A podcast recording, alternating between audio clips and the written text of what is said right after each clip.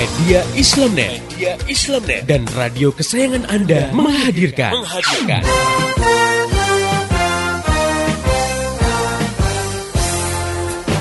Voice of Islam. Voice of Islam. Voice of Islam.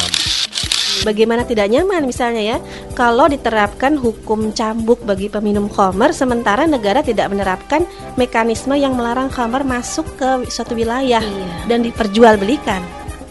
Artinya masih ada orang yang berjualan khamar dan akhirnya ada juga yang beli, akhirnya ada juga yang minum. juga. Padahal kalau minum dicambuk. Nah, Dicambuk. ini kan juga semacam dilema juga ya. Iya. Atau misalnya diterapkan hukum cambuk bagi yang melakukan pergaulan bebas. Nah, sementara negara sendiri tidak menghambat arus masuk pornografi dan porno aksi di suatu negeri. bahwa menangis itu yang dianjurkan nih di- dianjurkan itu menangis karena ingat dosa takut pada Allah Nabi SAW itu pernah bersabda dalam satu hadisnya la yalijun nara rajulun baka min khasyatillah hatta ya'udal labanu fil darra'i Nabi bilang tidak akan disentuh oleh api neraka seseorang yang menangis karena takut kepada Allah Nah, tadi kalau misalnya cinta itu tidak didasarkan pada pemahaman Islam, emosional sifatnya. Ya kan? Iya, iya. Lagi disayang-sayang sama suami, dikasih hadiah banyak, beliin pakaian baru, Sayang. dibelanjain banyak, sayang. Sayang. Nah, begitu suami di PHK, nganggur satu tahun nggak dapat kerja, ini udah mulai mengikis.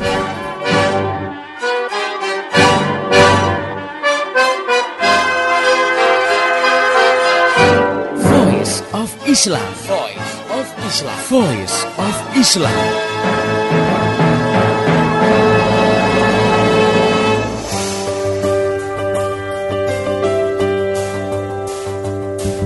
Halo Indonesia.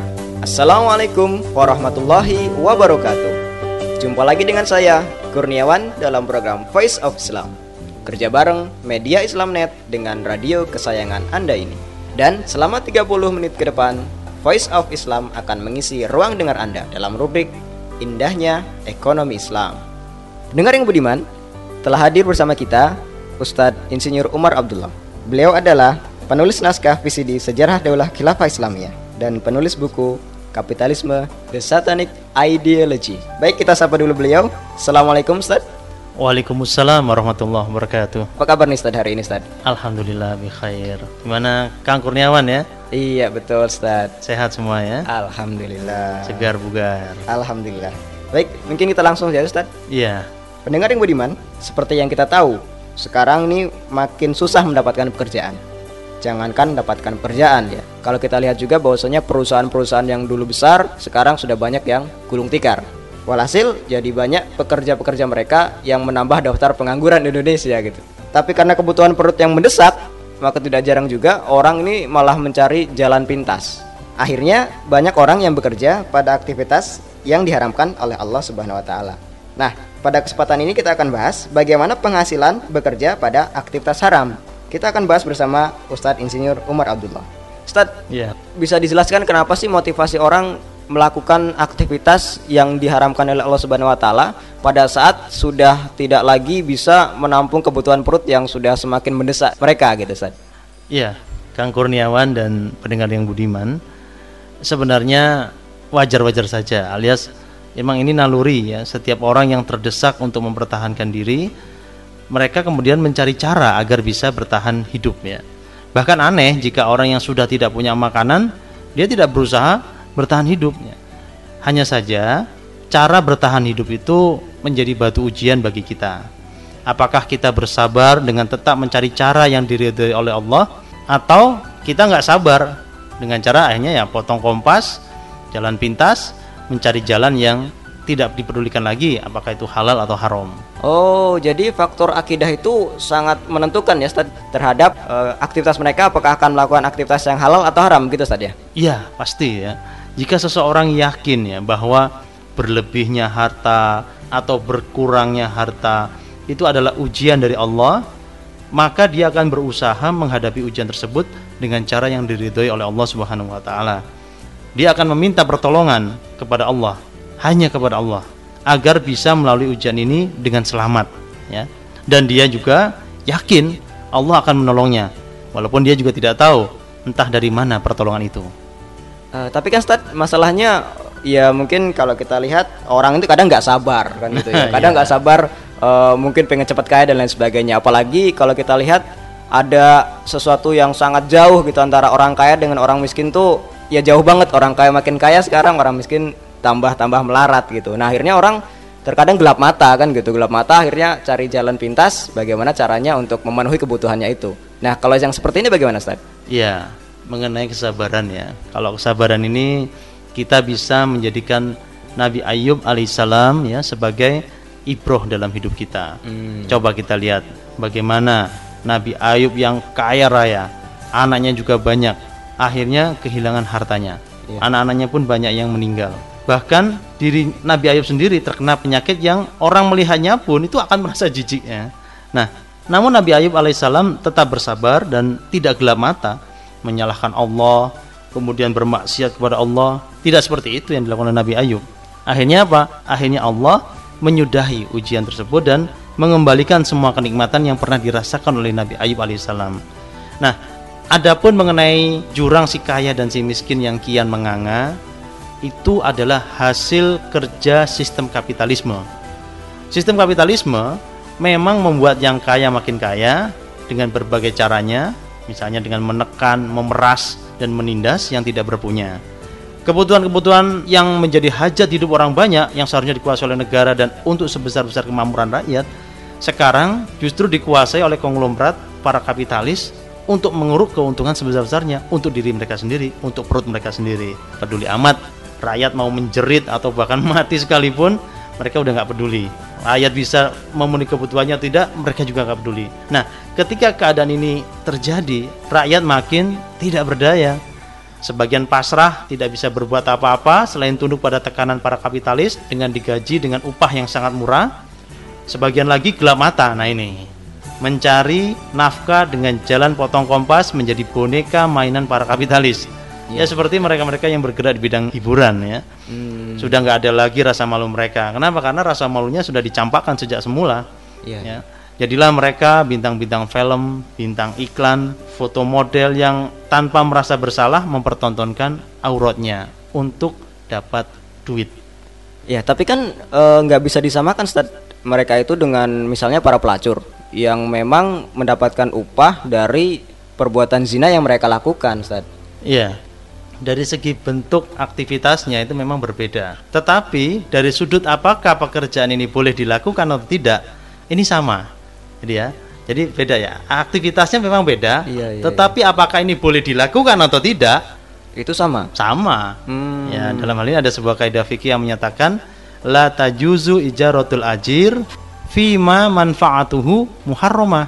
Artinya, tidak boleh mengadakan kontrak atau akad tenaga kerja pada jasa atau manfaat yang diharamkan. Nah, aktivitas zina itu kan haram. Iya, betul, Ustaz. Mempertontonkan aurat itu juga haram. Nah, oleh karena itu menjadi pelacur itu juga haram, menjadi foto model, penari atau penyanyi yang mempertontonkan auratnya itu juga haram. Jadi sama-sama nggak boleh walaupun aktivitasnya beda. Oh, gitu. Tapi bagaimana dengan penghasilan mereka, Ustaz? Apakah juga penghasilan mereka itu turut menjadi sesuatu yang haram gitu, Ustaz? Iya, Kang Kurniawan ya dan pendengar yang budiman, jika kita bekerja pada aktivitas yang haram, maka tidak sah juga akad kerja yang dilakukan. Kenapa? Sebab jasa yang kita berikan adalah jasa yang diharamkan oleh syariat, bukan jasa yang dihalalkan oleh syariat. Penghasilan yang diperoleh pun tidak halal, tidak barokah, dan bahkan hanya menjadi dosa di sisi Allah jika dipakai uang tadi, uang penghasilan tadi itu. Nabi Muhammad SAW bersabda yang maknanya begini, barang siapa mengumpulkan harta dari jalan yang haram, kemudian dia sedekahkan harta itu, maka dia tidak akan mendapatkan pahala dan bahkan dia mendapatkan dosanya. Hadis riwayat Ibnu Khuzaimah, Ibnu Hibban dan Al-Hakim. Nah, ini bisa diterapkan dalam berbagai jasa yang diharamkan oleh Allah, seperti pembunuh bayaran. Nah, membunuh itu kan nggak boleh. Jadi jasa kita mendapatkan uang penghasilan dengan jasa membunuh itu nggak boleh. Pekerja seks komersial ya, alias pelacur tadi yang dibicarakan. Iya, Berzina kan haram. Iya. Kita eh, lalu memberikan manfaat ke orang lain sebagai apa ya penyedia tubuh gitu itu juga haram ya penghasilannya juga haram penari erotis ya, melakukan porno aksi di depan umum seperti itu kan haram ya. Sampai dikatakan orang yang semacam itu tidak akan mencium bau surga. Bau surga saja nggak mencium. Waduh. padahal bau surga itu kan bisa dicium dari jarak yang sangat jauh. Nah, lalu kita menjadi penarinya. Lalu kita dapat penghasil dari penari erotis tadi itu penghasilannya juga haram. Penyanyi erotis baik isi lagunya maupun gaya menyanyinya ya. Ini juga nggak boleh. Pemain film porno ya semi porno nah, penipu penodong pencopet pencuri dan lain sebagainya semuanya sama penghasilannya juga haram Nah, pendengar yang budiman, semakin menarik saja pembahasan kita tentang penghasilan aktivitas haram. Ya, tentu juga kita ingin tahu motivasi lain dari mereka yang mencari penghasilan dari aktivitas yang diharamkan oleh Allah Subhanahu wa taala. Kita akan bahas setelah lagu yang berikut ini. Tetap setia di Voice of Islam.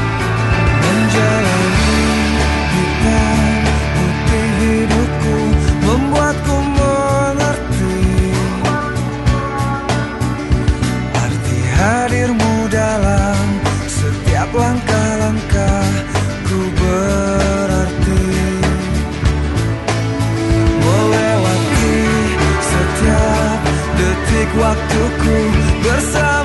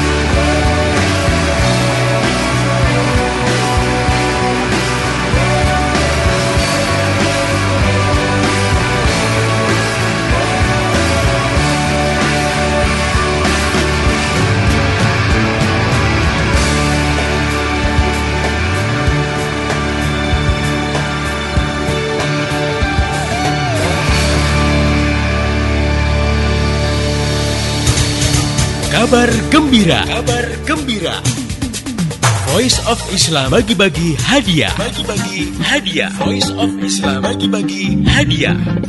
Assalamualaikum warahmatullahi wabarakatuh. Pendengar yang budiman, saya Latifah Musa mewakili seluruh kru Voice of Islam mengucapkan terima kasih atas perhatian, dukungan, masukan, kritik, dan saran dari Anda. Untuk itu, izinkan kami mengungkapkan rasa terima kasih kami dengan memberikan hadiah kepada 20 orang pendengar terpilih. Pendengar yang budiman cukup mengirim SMS ke 0856 9492 4411. Ketik nama dan alamat lengkap Anda. Ketik juga nama radio kesayangan Anda ini berikut pada jam berapa Anda biasa mendengarkan acara Voice of Islam. Pemenang akan kami umumkan pada bulan Desember 2007 dan bingkisan hadiah bisa Anda ambil di radio kesayangan Anda ini. Kami berharap kehadiran Voice of Islam bermanfaat bagi kehidupan Anda dan turut memecahkan masalah-masalah yang mencekik bangsa ini. Dengan Islam, kita raih solusi untuk masa depan Indonesia yang penuh berkah. Mohon doanya, mohon dukungannya. Assalamualaikum warahmatullahi wabarakatuh.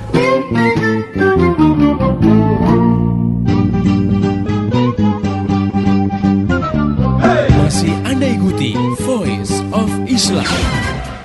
Persembahan media Islamnet dan radio kesayangan Anda ini. Voice of Islam. Voice of Islam. Voice of Islam.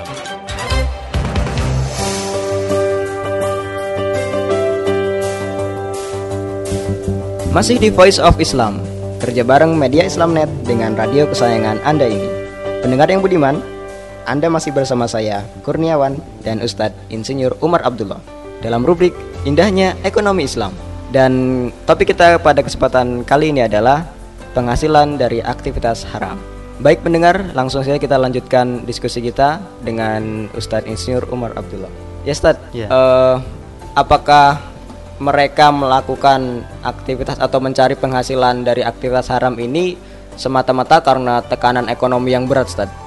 Iya, Kang Kurniawan dan pendengar yang budiman, bagaimanapun kondisi ekonomi yang berat itu akan memperparah ya, orang untuk lebih mudah, lebih permisif Hmm, ya melakukan aktivitas yang diharamkan termasuk mencari penghasilan dari aktivitas yang diharamkan oleh Allah Subhanahu wa taala.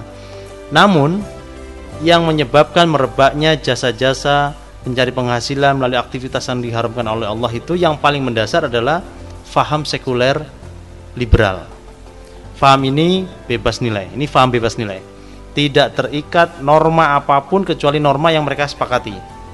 Sehingga main film dengan peran pelacur pun ya kan ada tuh film dengan peran pelacur iya. ya dan melakukan aktivitas maaf ya perzinahan yang di shoot Hmm, dalam film tadi ya jika itu sesuai dengan tuntutan skenario film maka bagi mereka itu akan dilakukan nah itu dan jika si pemain sangat menghayati peran tersebut bukan tidak mungkin dia akan mendapatkan penghargaan jadi dorongan inilah yang menyebabkan orang-orang yang tidak miskin sekalipun ya bahkan kaya raya itu mau diupah untuk jasanya melakukan aktivitas yang jelas-jelas diharamkan oleh Allah Subhanahu wa taala.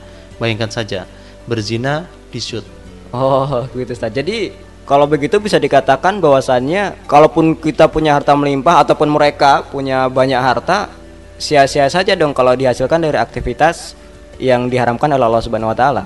Ya, seperti itu. Mungkin dalam pandangan manusia hal itu dianggap sebagai sebuah kebahagiaan. Wah, orang itu kaya ya kan Iya. gitu. Mentereng, mobilnya kayak gimana di, rumahnya kayak gimana kan gitu. Tetapi di sisi Allah kekayaan yang diperoleh dengan jalan haram tidak ada artinya. Bahkan menyebabkan penderitaan yang berkelanjutan. Karena dalam sebuah hadis disampaikan Rasulullah bersabda yang mananya begini, daging yang tumbuh dari harta yang haram, harta suhud tidak akan diterima masuk surga. Nauzubillahi min dzalik.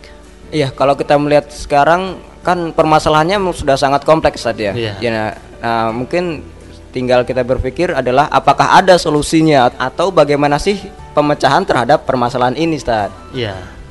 Memang ini yang paling penting ya. Yang Iya, penting betul. itu gimana solusinya. Nah, betul, Ustaz. Yang pertama dan yang mendasar adalah tinggalkan cara berpikir sekuler liberal. Ini yang paling mendasar. Yang kedua, kuatkan keyakinan kita bahwa rizki itu Allah yang ngasih. Allah pasti menolong hamba-hambanya yang meminta pertolongan hanya kepada Allah. Termasuk ketika kita mencari nafkah. Ya Allah, berilah aku uang, berilah aku nafkah, berilah aku ini ini ini agar aku bisa hidup dengan baik. Tidak perlu aku meminta-minta kepada orang lain, tidak perlu aku sampai berbuat maksiat, minta hanya kepada Allah. Itu. Allah pasti akan ngasih.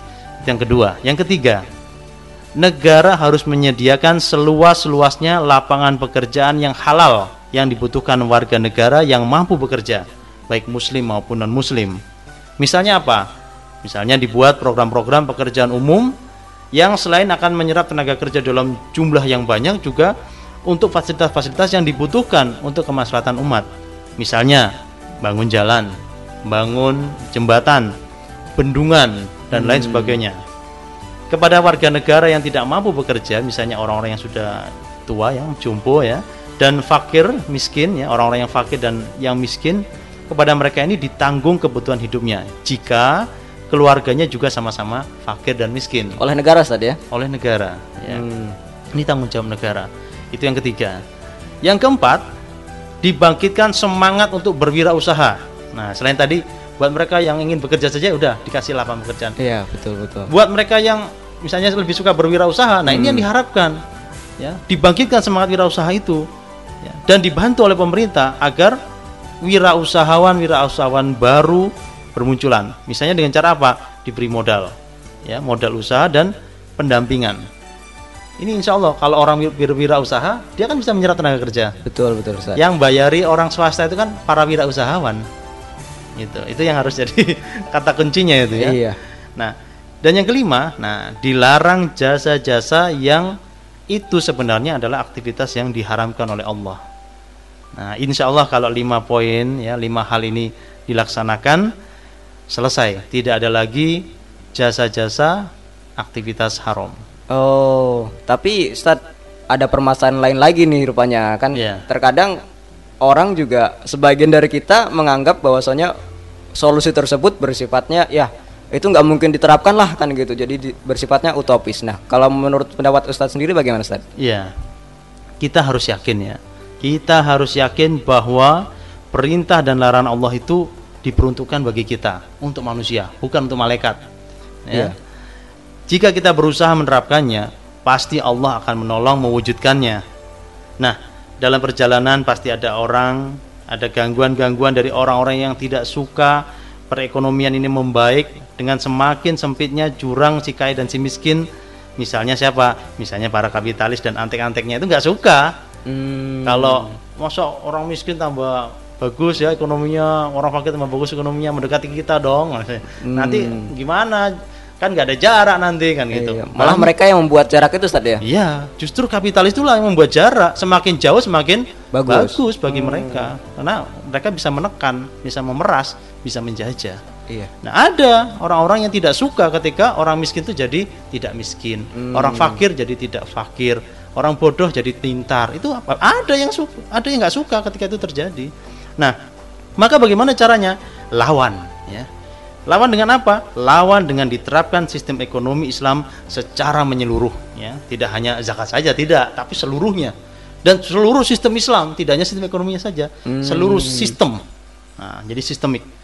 Insya Allah sistem ini akan menggerus habis sistem ekonomi kapitalistik. Yakin itu. Nah, itu yang pertama. Yang kedua, yang upo- yang utopis itu justru ya sistem ekonomi kapitalis jika ini digunakan untuk menghilangkan kefakiran apalagi kemiskinan. Wong sistem ini nih pertama belum terbukti sejak kelahirannya ya abad ke-18 Masehi itu belum pernah terbukti membuat sebuah negara nol fakir, nol miskin. Hmm, Belum pernah terbukti. Yang terjadi justru sebaliknya, distribusi kekayaan sangat jomplang. Apa yang jomplang itu? eh, tidak seimbang Ustadz ya? Ya, tidak seimbang, ya, tidak seimbang. Kekayaan yang melimpah ruah hanya dimiliki oleh segelintir orang. Sementara sebagian besar rakyat berebut kekayaan yang sangat sedikit. Yang ketiga, justru fakta menunjukkan dalam sejarahnya yang panjang ya, Islam sudah terbukti mampu mensejahterakan rakyatnya hingga di masa Khalifah Umar bin Abdul Aziz tidak ada lagi fakir, tidak ada lagi miskin, orang yang miskin yang mau menerima zakat. Artinya nol fakir, nol miskin. Jadi justru sistem ekonomi Islam itu yang tidak utopis. Kalau kita pakai sistem ekonomi kapitalis untuk menyelesaikan masalah ini itu utopis. Itu yang malah utopis tadi ya. Fakta berbicara seperti itu. Baik pendengar yang budiman, demikian tadi diskusi kita. Kita semakin yakin bahwasanya Islam bisa menjadi solusi persoalan-persoalan bangsa kita yang saat ini semakin mendera kita.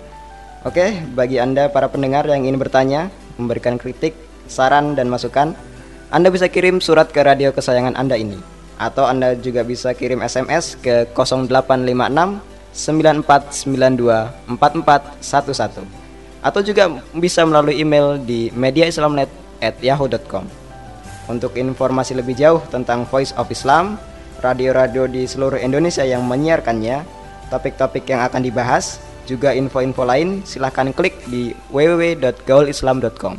Saya Kurniawan dan seluruh kerabat kerja yang bertugas mengucapkan terima kasih kepada Ustadz Insinyur Umar Abdullah atas penjelasannya.